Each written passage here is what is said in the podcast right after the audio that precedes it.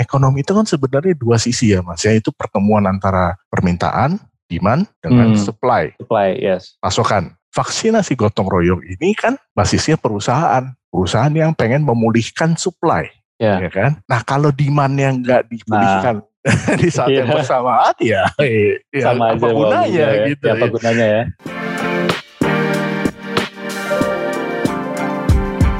Hai sahabat TCID, kalian sedang mendengarkan podcast Suara Akademia. Ngobrol seru isu terkini bareng akademisi.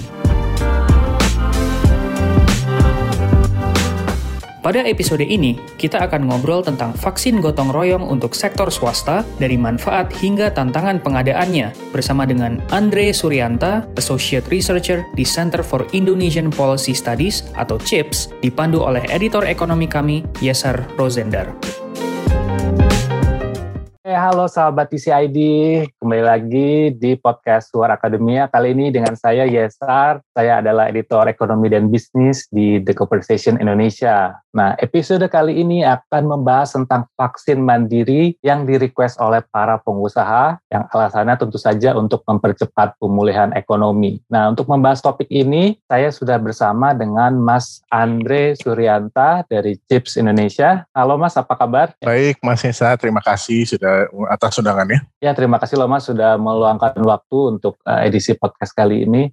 Buat pengusaha kan sekarang lagi gencar banget nih pemerintah juga menyasar investasi biar masuk khususnya di bidang manufaktur kan. Tapi kan kalau Mas lihat sekarang kondisinya dengan kasus juga mungkin agak sedikit slow down. Sekarang urgensinya seperti apa sih Mas? Pengusaha tuh sebaiknya diperbolehkan nggak sih impor vaksin mandiri ini? Sebelumnya sebelum saya jawab ini, ini sedikit terminologi aja karena kalau menurut Satgas itu nggak ada yang namanya vaksin mandiri loh mas. Yang ada itu Oh, hanya iya, iya. vaksin program atau vaksinasi gotong royong. Jadi saya tahu sih kita Ah ya, ngomong- vaksin ngomongnya kita ngomongnya Benar, vaksinasi gotong royong. Ya, tepat. Iya. Benar saya, saya sekali. saya pernah ditegur nggak ada namanya mandiri, adanya gotong royong. Ya betul. Oke.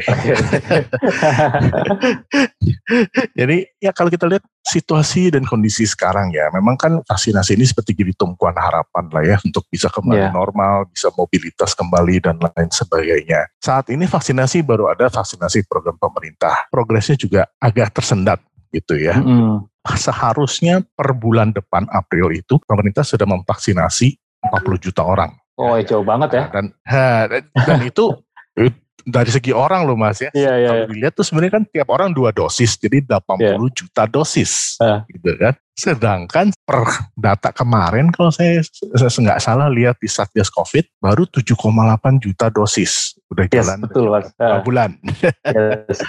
Nah, jadi satu bulan terakhir ini nanti mesti nguber 70 juta dosis. Hmm, itu cukup tantangannya ya nggak nggak kecil lah ya. itu Iya, iya, iya. Nah, tapi di sisi lain kalau kita lihat ya, stok vaksinnya sendiri juga masih kurang. Pemerintah baru punya 40 Hmm. juta dosis. Jadi masih ada defisit 30 juta lah kira-kira untuk nguber target dengan 70 juta tadi. Itu pun 40 juta udah kepake sebenarnya kan 7,8 Iya, iya. gitu. Jadi kalau dibilang eh, ada urgensi ya apalagi nih sebenarnya April sendiri itu juga tahap 3 mesti udah mulai loh. Itu 128 Hmm. juta dosis lagi masuk online gitu kan. Jadi ya kalau ngelihat begini yang tahap 4 gimana nasibnya gitu. Iya. Ya, Kalau film ini udah kayak Mission Impossible ya, Mas. ya gitu Yang kapan saya mau divaksin apakah tahun Ah, ini apakah iya. tahun depan gitu kan jadi saya rasa dari segi urgensi sih ada ya karena melihat lambat saat ini eh, sedangkan dunia usaha ini sudah ya sudah pengen mulai lah gitu kan Iya. udah pengen lari kenceng tapi kan masih dibatasi berbagai hal ini jadi ya ada urgensi itu cuman memang nggak gampang dan akan banyak sekali tantangannya gitu mungkin ya nanti kita obrolin lebih lanjut lah gitu Ya orang-orang biasa aja udah udah anxious karena eh, nungguin vaksin apalagi pengusaha ya, Mas. Yang usahanya di ujung tanduk ya mungkin ya. Betul, betul. Hmm. Yang merasa, aduh kalau saya nggak benar-benar buka, nih habis nih, gitu. Ya, jadi ini udah hidup matinya pengusaha juga lah istilahnya gitu. Ya, ya kan mereka mungkin harapannya dengan vaksin mereka bisa beroperasi normal lebih cepat ya mas. Tapi kalau, kalau menurut mas sendiri, jika memang vaksin ini bisa terlaksana gitu dan mereka bisa dapat vaksin lebih cepat untuk karyawannya, gimana sih ini kan berefek positif nanti ke ke dunia usaha mas? Dampak positif ya kalau memang seperti Mas Yesar bilang tadi ya bisa dapat vaksinnya dan benar-benar bisa mulai sekarang gitu ya. Iya. itu itu kuncinya gitu bahwa ini harus itu mulainya ya. Iya, ini harus mulainya sekarang, secepat mungkin kalau nggak sekarang gitu ya. Jadi kalau nggak sama aja bohong ya mas. Iya, kira-kira gitu. Kalau mulainya tahun depan juga ya buat apa gitu kan maksudnya. Iya, kan? Hmm. ya kan sejauh ini dan dan juga luasan jangkauannya itu juga jadi masalah ya. Jadi nah, kalau menurut hmm. saya kan uh, laporan Kadin yang terakhir itu kalau nggak salah katanya ada 7,4 juta orang yang sudah daftar untuk vaksinasi gotong royong. Ini nih sekitar 4 persen ya ya bukan mengecilkan angka 4 persen ya sedikit apa pun berguna gitu ya tetapi seandainya saja bisa lebih besar ya kan dampaknya lebih terasa lah gitu ya. Dan kemungkinan kemungkinan besar ya yang daftar ini adalah orang-orang yang merasa akan masuk tahap 4, tahap terakhir ya kan karena ini kan sukarela sifatnya. Kalau yang udah tahu bakalan dapat segera ngapain daftar gitu kan ya ya kemungkinan besar yang tahap 4. Nah, jadi yang tadinya dapatnya mungkin di akhir tahun atau bahkan tahun depan ya bisa maju sekarang ya why not gitu itu itu ada baiknya positifnya di situ tetapi sekali lagi ketersediaan vaksin tadi Mas sudah bilang itu penting sekali jadi kunci di sini gitu. Tapi kalau misalnya vaksin sudah sudah datang terus mereka sudah divaksin gitu kan itu kan vaksin tapi tidak jaminan kalau mereka tidak terkena lagi gitu ya Mas. Itu nanti berarti efektivitasnya se sejauh apa sih dengan karyawan ini dari vaksin berarti? Iya, jadi betul sekali tidak ada vaksin yang 100% efektif hmm. ya dalam hal pemulihan ekonomi sendiri juga sebenarnya agak rumit, agak tricky di sini ya, hmm. karena relasi antara vaksinasi dengan pemulihan ekonomi itu nggak langsung. Nggak langsung ya. Memang sih orang bilang, loh pasar saham naik, ya itu investor di pasar saham biasanya mereka dibilangnya price in the future. Jadi masa depan itu ditarik ke sekarang. Tapi itu bukan indikasi akan benar-benar terjadi gitu kan. Dan kalau kita lihat ekonomi itu kan sebenarnya dua sisi ya mas, yaitu pertemuan antara permintaan demand dengan hmm. supply. Supply, yes. Pasokan. Vaksinasi gotong royong ini kan basisnya perusahaan. Perusahaan yang pengen memulihkan supply. Yeah. Ya kan? Nah kalau demand yang nggak dipulihkan, nah di saat yang iya. bersamaan ya, ya sama apa aja gunanya ya, gitu ya, apa gunanya ya. Betul ya jadi makanya vaksinasi gotong ini saya dengar populernya ke industri padat karya atau industri yang harus tetap muka seperti pariwisata restoran hospitality gitu ya kan. Tapi seperti saya bilang ya kalau supply restoran semua bisa buka tapi kita yang mau berkunjung ke restoran nggak bisa karena belum divaksin terbatas gitu ya iya. gunanya sangat terbatas gitu dan ada faktor lain yang yang orang agak jarang pikirkan yaitu nggak cuma harus cepat vaksinasi, tapi juga harus merata. Hmm. Ini ini soalnya risetnya di tingkat global sih kebanyakan ya dari Run Run Corporation di Eropa, dari International Chamber of Commerce mereka sudah highlight bahwa kalaupun negara-negara yang borong vaksin duluan berhasil vaksinasi semua rakyatnya, kalau negara lain masih tetap ada pandemi, mereka kinerja ekonomi juga nggak akan maksimal. Iya, soal yang saling terkait semua sih ya mas. Betul. Nah di Indonesia ya dalam skala kecilnya ya kalau provinsi yang Jakarta udah selesai, Jawa Barat belum selesai, kita tetap nggak bisa performance maksimal gitu. Karena kan orang Jawa Barat kerja di Jakarta, orang Jakarta belanja ke Jawa Barat gitu kan. Jadi ini yeah. masih ada linknya. Jadi ah, harus merata gitu. Itu kunci vaksinasi itu bukan cuma cepat, tapi semua harus sama-sama. yeah, yeah. gitu. Kira-kira seperti itulah tantangannya gitu ya. Tapi tadi Mas mention soal demand ya, yang konsumsi dari masyarakat kan sekarang masih kehajar nih Mas. Tahun kemarin kan deflasi terus, awal tahun kayaknya mulai inflasi tapi cuma cuma dikit banget. Kalau Mas sendiri melihat demand side sekarang seperti apa sih Mas? Demand side ya jelas masih masih lemah ya gitu ya. Karena kan orang juga ya seperti saya bilang tadi ekonomi itu kan semua saling terhubung gitu ya. Jadi yang dibilang supply itu sebenarnya ya mereka ada karyawannya karyawannya ini kerja dapat uang untuk kemudian konsumsi gitu kan. Ya selama karyawan-karyawan ini masih banyak yang ya bahkan masih banyak di PHK sekarang ini atau gajinya masih berkurang dan sebagainya demand tuh masih akan tetap tertekan terus. Jadi di satu sisi vaksinasi gotong royong ini ya bagus karena akan menggiatkan karyawan gitu kan. Tetapi jumlahnya mungkin masih belum cukup signifikan karena basis vaksinasi gotong royong perusahaan itu itu sebenarnya bukannya employer utama di Indonesia ini ya. Dia bukan bukan hmm. majikan utama. Kebanyakan orang tuh malah wirausaha informal di ya. Indonesia, ya, ya kan? Mereka ini bukan karyawan, gitu ya. Dan dan bahkan ya sebagai contohnya driver ojek online lah jelas bukan karyawan, tidak yeah. dianggap karyawan, nggak terjangkau vaksinasi gotong royong, gitu kan.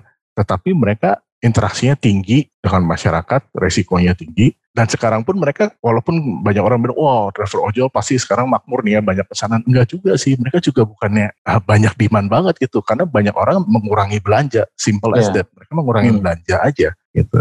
Nah, jadi sisi belanjanya ini yang harus digiatkan gitu loh. Kira-kira seperti itu. Jadi banyak aspeknya ini semua saling terkait sebenarnya kalau udah ngomongin ekonomi itu muternya udah jauh gitu. Terus ini kan ya kemarin kan kontroversi juga kan sempat uh, Menkes dia ragu awalnya menolakkan sampai akhirnya ngedukung. Kan alasannya karena akan menimbulkan ketimpangan kan. Kan kalau beli vaksin sendiri perusahaan pasti mungkin perusahaan besar yang mampu. Terus nanti yang UKM ini pasti nggak mampu. Sementara yang yang UKM ini kan banyak ya mas Nah nanti berarti ini uh, seperti apa sih mas nanti ketimpangan yang yang bisa terjadi terus dampaknya ke masyarakat itu seperti apa sih? Memang benar itu kan waktu itu ya banyak sekali kontroversi di awalnya tuh soal beli siapa yang beli terus bisa dijual apa enggak hmm. istilahnya gitu kan. Ya. Iya iya. Nah ya, sekarang ini kan udah di, dikunci oke okay lah tidak akan terjadi ketimpangan dari segi bayar berbayar karena dikunci menurut peraturan ini harus gratis gitu ya dikunci dari sisi itu gratis untuk karyawan dan lain sebagainya tapi kalau kita lihat lebih jauh lagi, kita tadi lebih dalam lagi, bahwa partisipasi suatu perusahaan di dalam vaksinasi gotong royong itu berarti tergantung dari pemimpin perusahaan. Mau apa enggak hmm. pemimpinnya untuk ini. Jadi sebagai karyawan, apakah saya bisa divaksin lebih awal atau enggak, itu tergantung dari pemimpin saya. Yang sederhananya kalau bos saya nggak mau bayarin saya, ya saya nunggu, ya, nunggu ya. program pemerintah gitu kan. Jadi bagi saya tidak ada ketimpangan biaya, maybe nggak ada, ya, tetapi ada ketimpangan power imbalance, ketimpangan hmm. kuasa di sini. Hmm. Bahwa karyawan nggak bisa mutusin sendiri, dia tergantung dari pimpinannya. Nah, selain itu juga ada ketimpangan dari antara pekerja formal dengan informal. Tadi saya udah singgung sedikit ya, mm, nah, yeah. driver ojek online. Gitu kan, mereka resikonya untuk kena COVID mungkin jauh lebih tinggi daripada pekerja kantoran yang bisa work from home atau bisa teleconference seperti kita ini, gitu kan. Yeah, yeah. Tetapi gilirannya di belakang karena harus nunggu vaksinasi program pemerintah yang vaksinasi gotong royong ini bisa maju duluan gitu kan. Ya apalagi nanti nih saya dengar-dengar udah mulai ada yang bilang oh sertifikat vaksin bisa dipakai buat perjalanan. Ya semacam paspor gitu bisa dipakai untuk maskapai penerbangan atau kereta api gitu ada wacana ke situ lah gitu ya. Jadi bisa terbentuk vaksinasi wah ini jangan-jangan ini vaksinasi mandiri ini diadakan untuk memfasilitasi yang mau jalan-jalan sebenarnya gitu. Orang-orang ya, kaya yang pebisnis yang udah ini ya uh, haus jalan-jalan ya. Uh, udah udah udah udah ini udah capek emang terkurung nih terus ah pengen jalan-jalan ya udah deh gitu beli deh gitu kan. Uh, iya, iya, iya. sama-sama gratis tapi hmm. potensi ketimpangan itu tetap ada persepsi bahwa pemerintah nggak adil itu mungkin tetap muncul kenapa dia duluan, kenapa bukan saya duluan gitu kan itu itu banyak hmm. sekali yang harus di, diperhatikan di situ lah kira-kira. Tapi dengan adanya ketimpangan itu terus masyarakat merasa seperti itu mas, itu nanti lama-lamaan kalau misalnya krisis ini katakanlah masih berlanjut itu bisa jadi kayak bom waktu nggak sih buat buat Indonesia dengan bertambahnya ketimpangan yang dirasakan masyarakat? Iya berpotensi jadi masalah lebih besar tentunya ya karena kan jadi kepercayaan terhadap pemerintah jadi makin menurun gitu ya dan menurut saya ya jadi solusinya yaitu bahwa percepatan uh, program vaksinasi ini harus lebih masif gitu loh istilahnya ya. Jadi saya hmm. saya menghargai menghargai sekali usaha pemerintah untuk oke okay, mari kita tengok sektor swasta bagaimana caranya supaya mereka bisa bantu mempercepat tetapi perlu lebih lagi gitu lebih besar lagi effortnya untuk mempercepat ini kalau bisa ya semuanya dapat vaksinasi dalam waktu yang bersamaan walaupun itu nggak mungkin lah ya itu itu itu nggak mungkin yeah, yeah. tapi secepat mungkin ini bisa diselesaikan semerata mungkin nah, persepsi itu lebih bisa ditekan semakin berlarut-larut proses vaksinasi ini akan semakin banyak orang makin nggak sabar mm, yes. makin makin nggak tahan dan sulit gimana ya merubah persepsi negatif kalau udah seperti itu tuh udah sulit nanganinnya jadi harus harus harus dari sekarang itu benar-benar dipikirkan dengan matang gimana caranya ini dipercepat dengan masif baik dari sisi program pemerintah maupun yang dari swasta itu bagaimana caranya nih kerjasamanya supaya lebih masif gitu. Iya orang kalau lagi nggak sabar sensitif ya mas. Kayak kita lagi nunggu nasi padang nggak sampai-sampai ya, lama-lama gebrak meja ya kita. Uh, hangry ya istilah orang. Hangry ya. Soalnya tuh hangry, hungry ya, sekaligus. Kira-kira begitu ya. Tapi kalau misalnya ini, ini kejadian terus vaksin udah, udah jadi, pemerintah tuh seharusnya gimana sih mas ng ngawasin ini uh, gimana nge ngeregulasinya? Apakah mungkin diprioritaskan hanya di sektor manufaktur aja atau ada sektor lain yang harus diperhatikan? Seperti apa sih mas pemerintah harus, harus menata vaksin gotong royong ini nanti ke depannya? Ya, ini juga sebenarnya ya yang rumitnya, yang trikinya ya di sini ya. sebenarnya nah, ngawas, ya. ngawasinnya itu gimana gitu. Hmm. Jujur aja ini sangat kompleks, masalahnya sangat ruwet dan saat ini pemerintah langkah awalnya mencoba mengawal pengadaan sama distribusinya dengan penugasan satu pintu ya dari BUMN ya uh, Bio Farma. Tapi itu aja sebenarnya bagi saya juga jadi ada potensi masalah baru lagi gitu karena belum lama ini saya dengar-dengar gitu dari acara Satgas ngomong iya jadi vaksinasi gotong royong pokoknya urusan Kementerian BUMN sekarang ya eh, bukan lagi di bawah ranah Kementerian Kesehatan. Nah itu kan berarti ada instansi baru lagi dimuncul, um, gitu kan. Hmm. Yeah. Jadi pengawasannya juga jadi lebih complicated, lebih ruwet nih. Jadi siapa yang ngawasin Kementerian Kesehatan atau Kementerian BUMN jadi ya. Kalau soal distribusi pengadaan Bio Farma oke okay, jelas, tapi nanti di lapangan waktu saat pelaksanaan vaksinasi siapa yang ngawasin, bagaimana monitoringnya, bagaimana mastiin vaksinnya benar dikasih, yang penting kan itu kan vaksinnya yeah. benar yang diberikan atau juga kualitas vaksin misalnya kayak kasus-kasus vaksin mau luar sekarang ya jangan sampai mm. vaksinnya udah kelamaan disimpan terbengkalai itu dikasih ke swasta bilang wah ini nggak bisa dipakai tapi tetap dipakai aja kan nggak boleh juga gitu kan nah jadi pengawasan ini memang cukup ruwet dan ada sih di dalam peraturan Permenkes 10 2021 itu bilang bahwa pada saat pelaksanaannya nanti fasilitas eh, kesehatan swasta itu harus berkoordinasi dengan dinas kesehatan setempat. Menurut saya ini perlu diperjelas sih sebenarnya apa maksudnya koordinasi itu ya. Hmm. Apakah cuma kasih data doang gitu atau yeah. ada orang dinasnya yang benar saat itu datang untuk melihat pelaksanaannya. Ya idealnya sih ada yang ngawasin ya pada saat terjadi hmm. pelaksanaan proses ini ada yang cek di lapangan oke okay, benar kondisi stoknya oke, okay, penyimpanannya oke, okay, pelaksanaannya juga oke okay, gitu dan sebagainya. Tentu ini butuh tenaga banyak. Ya ada tambahan tenaga itu dicari dari mahasiswa kedokteran atau SDM kesehatan yang dalam pelatihan gitu. Mungkin bisa jadi sebagai administrator gitu loh ya dalam soal apakah itu diizinkan ke sektor tertentu atau sektor lebih luas lagi, ya kita harapannya tentu bisanya ke semua sektor ya, dibuka ke semua hmm. sektor. Karena kan kita maunya ya. masif, sebanyak-banyaknya gitu. Hmm. Kalau kita bilang manufaktur aja, ya nanti yang pariwisata akan komplain jelas. Ya udah, udah saya ya. butuh ini gitu kan. Hmm. Kalau kita bilang hospitality aja, oh kalau kita bilang ya udah manufaktur sama hospitality aja, sektor lainnya yang dari ah, makanya ya kita juga mau gitu kan? Bahkan uh, agriculture juga pasti bilang ya kenapa kami tidak di ini kan? Yeah, yeah. jadi jadi persepsi nggak adil yang antara ya itu malah jadi turun ke sektoral jadi gitu kan persepsi wah pemerintah nggak adil dari segi sektoral. Jadi ya saran saya sih jangan dibatasin dari segi sektor. Cuman tidak bisa disangkal bahwa pasti ada sektor-sektor tertentu yang lebih tertarik dibanding sektor lainnya ya. Jadi akan ada usaha-usaha yaitu seperti saya bilang padat karya akan lebih tertarik dibandingin misalnya yang semuanya full pakai mesin gitu ya. Untuk usaha logistik juga mungkin gak akan terlalu tertarik karena kan gak terlalu dealing sama orang yang yang di backgroundnya ya, loh yang yeah. mengemudi truknya apa gitu. Nah bagi saya malah gimana cara ini supaya lebih masif, lebih mencakup semua gitu, lebih merata, tapi pengawasan tentang pelaksanaan atau paling enggak hasilnya lah gitu ya. Kalau nggak bisa hmm. diawasin pelaksanaan, berhasil nggak sih nih program? Di sini kalau saya boleh lihat, saya ambil contoh dari UK ya, Inggris mereka tuh melakukan pengawasan serologi, like survei serologi terhadap orang yang terima vaksin. Memang nggak semua diambil random sampling untuk melihat ini antibodi bertahan apa enggak. Jadi iya. sedikit yeah. banyak tuh melihat apakah ini berhasil apa enggak sih vaksinasi. Sebenarnya itu hmm. tujuannya kan.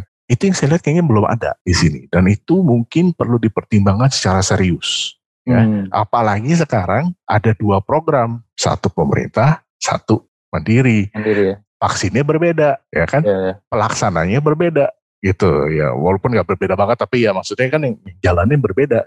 Hasilnya ini saya rasa perlu dimonitor. Karena kekebalan populasi itu dicapainya tuh agregat nggak ada tuh namanya kebal kekebalan sebagian sebagian per sektor kekebalan populasi di sektor manufaktur. Itu nggak ada gunanya karena sektor lain hmm. tuh nggak kebal juga, juga ya, ya. nah jadi itu harus harus ada. Dan jangan sampai kita kira vaksinasi udah selesai ini udah beres semua udah selesai. Tapi ternyata kalau disurvey wah ternyata nggak nyampe 7 persen ya hmm. percuma juga itu program gitu loh. Udah dibela-belain nggak nggak efektif ternyata ya. Seperti itulah nah. sedikit banyak. Jadi.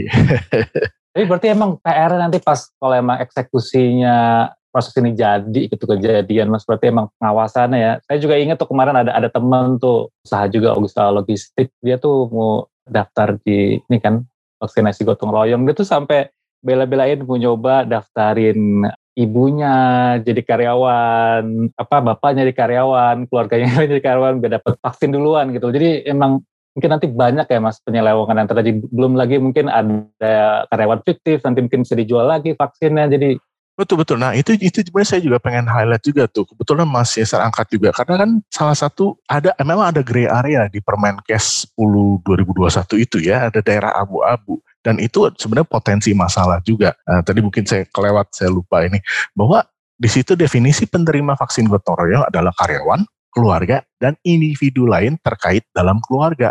Nah yang ketiga ini nih individu lain terkait dalam keluarga itu siapa? Iya. Yeah, Siapa yang menentukan terkait nggak terkait? hmm. gitu kan? Apakah pemerintah spesify gitu? Kalau dispesifikasi, wah bisa jadi ruwet. Tapi juga seperti Mas Yasar bilang, apakah ini potensi kebocoran?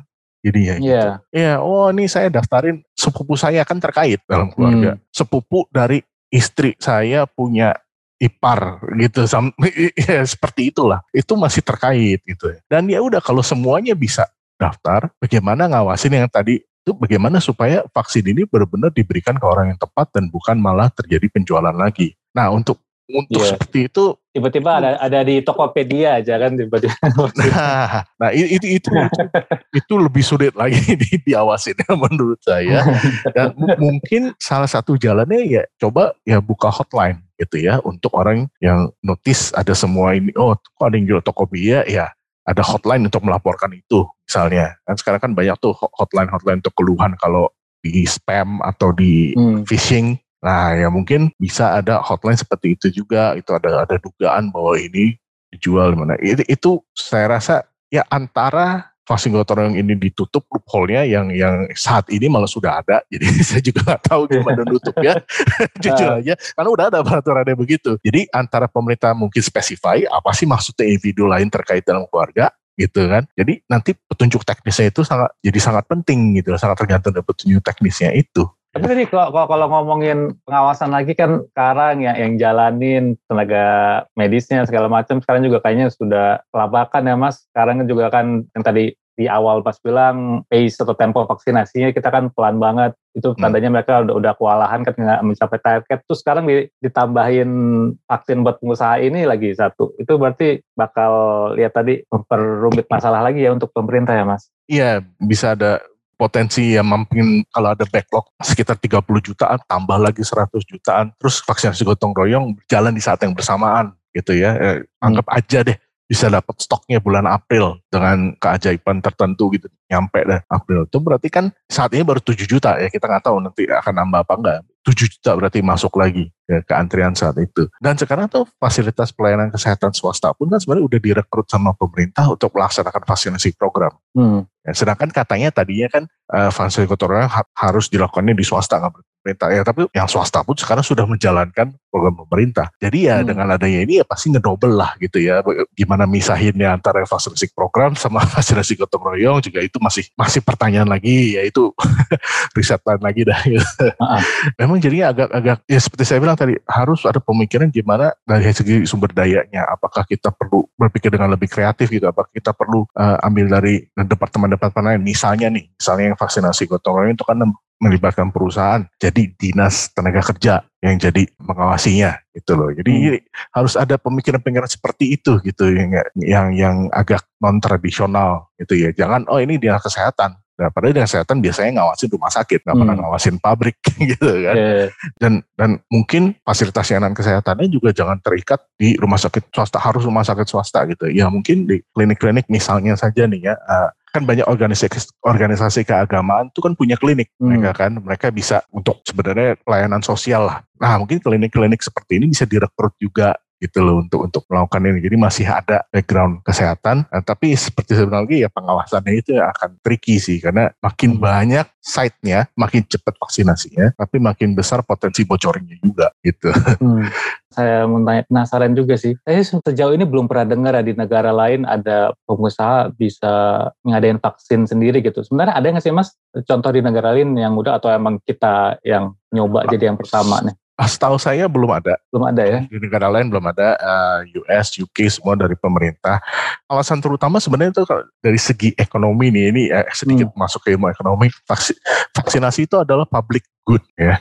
Jadi ah uh, public good ini artinya yang diuntungkan kalau kita vaksinasi bukan cuma diri kita tapi orang lain juga ya kan? Jadi yeah. perlindungannya bukan cuma diri kita tapi orang lain. Jadi orang cenderung akan nunggu orang lain untuk divaksin ya. Karena vaksinasi sendiri itu kan ada costnya ya. Walaupun gratis hmm. nih tapi kan ada cost. Waktu cost ya sakit ditusuk yeah. gitu kan? Uh, ada cost nanti sebulan lagi mesti balik lagi disuntik lagi. Itu itu semua cost gitu kan Nah, jadi orang akan cenderung, oh kalau gitu biarin orang lain aja. Kalau saya terlindungi, kalau orang lain divaksinasi, biarkan orang lain yang lakukan. Nah, karena sebab itu, jadi pemerintah cenderung bilang, oke okay, kalau gitu saya yang supply. Karena public good itu, barang publik itu biasanya under supply. Di situ memang hmm. pemerintah hmm. masuk, saya akan supply. Okay. Ya, nah itu itu sebenarnya dasar pemikirannya itu. Bukannya karena mau gratisan, bukan tapi daripada ini nggak tercapai, under supply, lebih baik saya yang supply. Cuman memang kalau Mas nanya apakah negara lain ada ya sejauh ini saya tahu sih belum. Belum ada ya? Belum ada, oh. ya.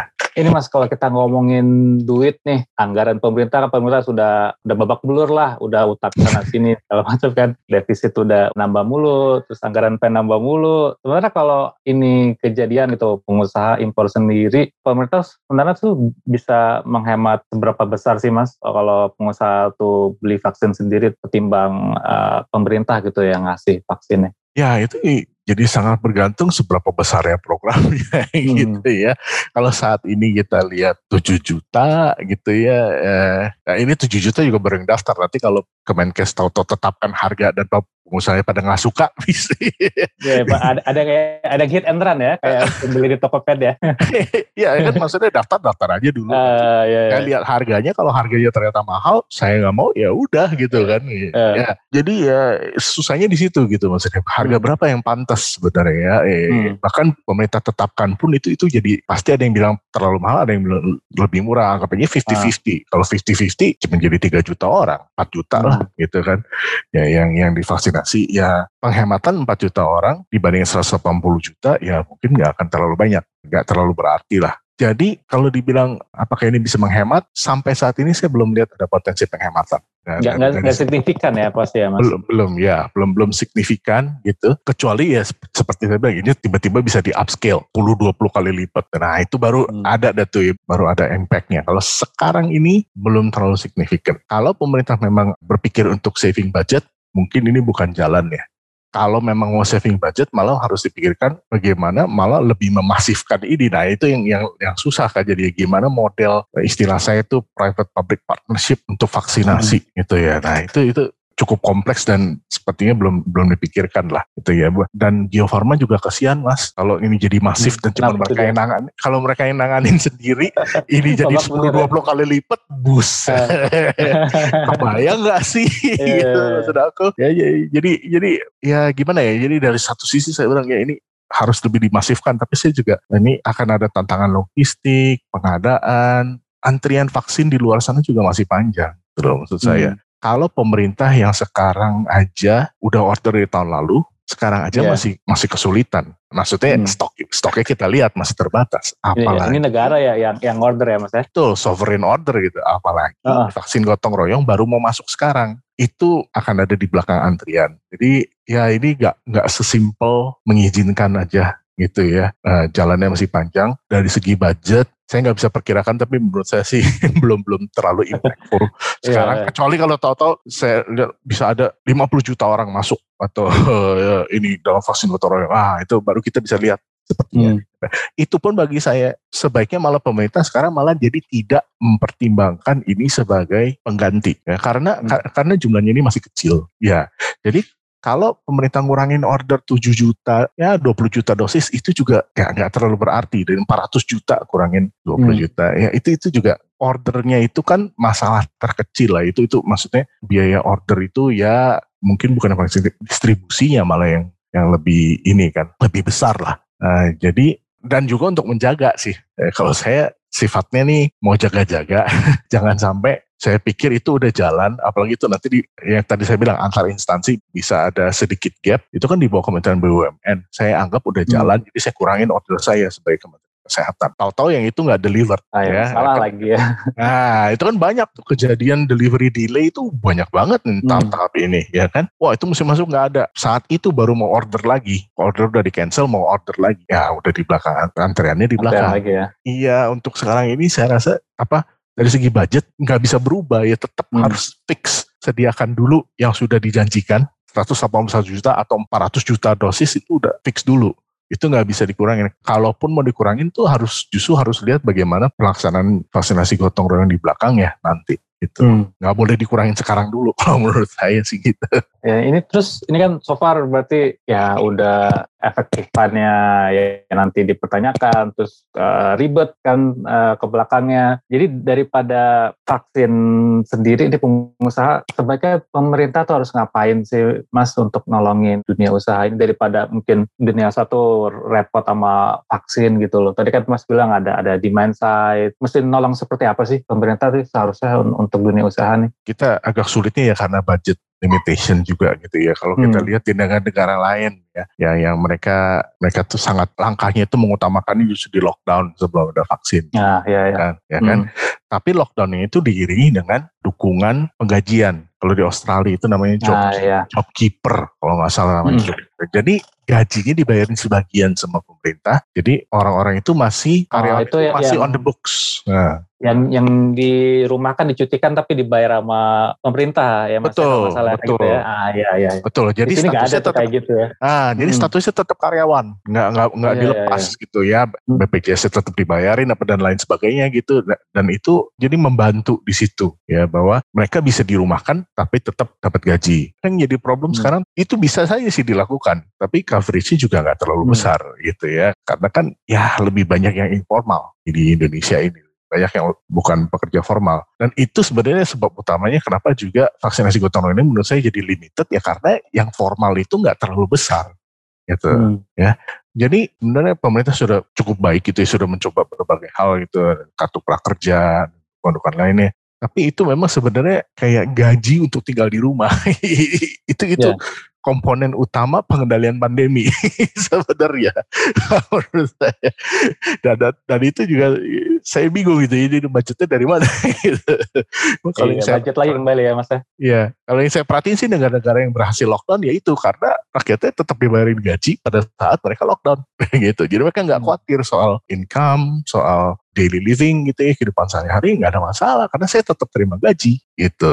ini malah Nah. bantuan gaji di, dihapus kalau nggak salah ya di, di bantuan sosial mas dan anggaran bantuan sosial juga di di pen malah turun ya Iya, iya, iya karena kan udah katanya udah ada vaksinasi jadi turunnya jadi ya maksud saya ya ya ini juga pandemi hal baru ya. Indonesia kan Hmm. belum pernah hadapin juga seperti ini bahkan negara-negara lain juga ya, Ya. belum ada pengalaman di dalam 100 tahun terakhir gak ada ini lah ya. Jadi pasti akan banyak ini ya misstep ya apa salah langkah di sini. Tapi saya rasa ya, asal pemerintah ini cukup fleksibel untuk merubah kebijakan dengan cepat mengantisipasi itu ya. Mungkin boleh kita coba ini, boleh coba itu. Itu, itu yang yang mungkin kalau dalam situasi seperti ini tuh kita harus cepat melihat Hmm. dan mengejas, melihat dan mengejas. Itu yang saya lihat se- selama ini masih agak sepertinya agak lama gitu. Ah, agak lama di situ. sense of krisisnya kepekaannya kayaknya kadang-kadang masih agak off ya pemerintah ya mas ya Iya, iya, iya. Dan, dan seperti saya bilang, vaksinasi itu salah satu bagian protokol kesehatan tetap penting. 3T itu test, trace, treat itu tetap penting. Sedangkan Hmm. kita lihat bahkan kapasitas testing masih belum meningkat signifikan gitu ya. Nah. Tadi kan Mas tanya gimana bisa menolong dunia usaha. Sebenarnya salah satunya adalah dengan pelaksanaan 3T itu Mas. Gitu ya. Hmm. Kalau kalau di testingnya sudah meningkat kan kalau kalau kita lihat standar WHO itu testing itu satu per seribu. Jadi kalau 260 juta rakyat itu 260 ribu testing per hari harus dilakukan. Ya, dengan harapan Hmm. tentu itu jadi bisa menangkap, menjaring orang-orang yang benar-benar ini dan yang diisolasi jadi mereka aja gitu kan. Yang Hmm. lain tetap bisa berkegiatan. Pemerintah sudah sudah mulai ngarah ke situ dengan PPKM mikro. Ya, kita isolasi yang RT yang red zone aja, jangan yang lain. Betul. Ah, Hmm. tetapi itu harus didukung dengan testing dan tracing yang kuat gitu ya. Kalau testing dan tracing kuat tercapai standar 1 banding 30 lah atau 260 ribu per hari. Jadi kita bisa lebih yakin daerah ini adalah benar-benar green zone. Bukan cuma Hmm. yellow zone yang kelewat gitu Ya, loh. ya. ya. Nah, kita benar-benar bisa yakin dan itu kita benar-benar bisa kendalin pandeminya secara istilahnya kayak kayak sniper lah gitu ya lebih Hmm. tepat lebih ini, oke. Okay. Lebih efektif jadinya ya. Ah, lebih efektif kita lockdown, lockdownnya yang efektif, bukan uh, lockdown tapi masih bocor gitu ya. Dan itu jadi tetap menyebar ke tempat lain. Nah, jadi tiga, jadi pelaksanaan 3M sama 3T itu mau nggak mau itu tetap sebenarnya itulah kunci untuk membantu dunia usaha juga. Maksudnya jadi kalau kalau tracing itu bagus, memang bisa ketangkap semua, bisa diisolasi dan dicek bersih, kan nggak harus tutup lama-lama, mereka bisa beroperasi lagi gitu kan. Jadi vaksinasi itu cuma salah satu cara, bukan semuanya, bukan segalanya gitu. Malah testing, tracing itu malah lebih bagi saya ya itu lebih, hmm. nomor satu yang harus ditingkatin dulu, bukan vaksinasi, testing tracingnya dulu yang harus ditingkatin menurut saya. Oke Mas, jadi kita rekap nih berarti emang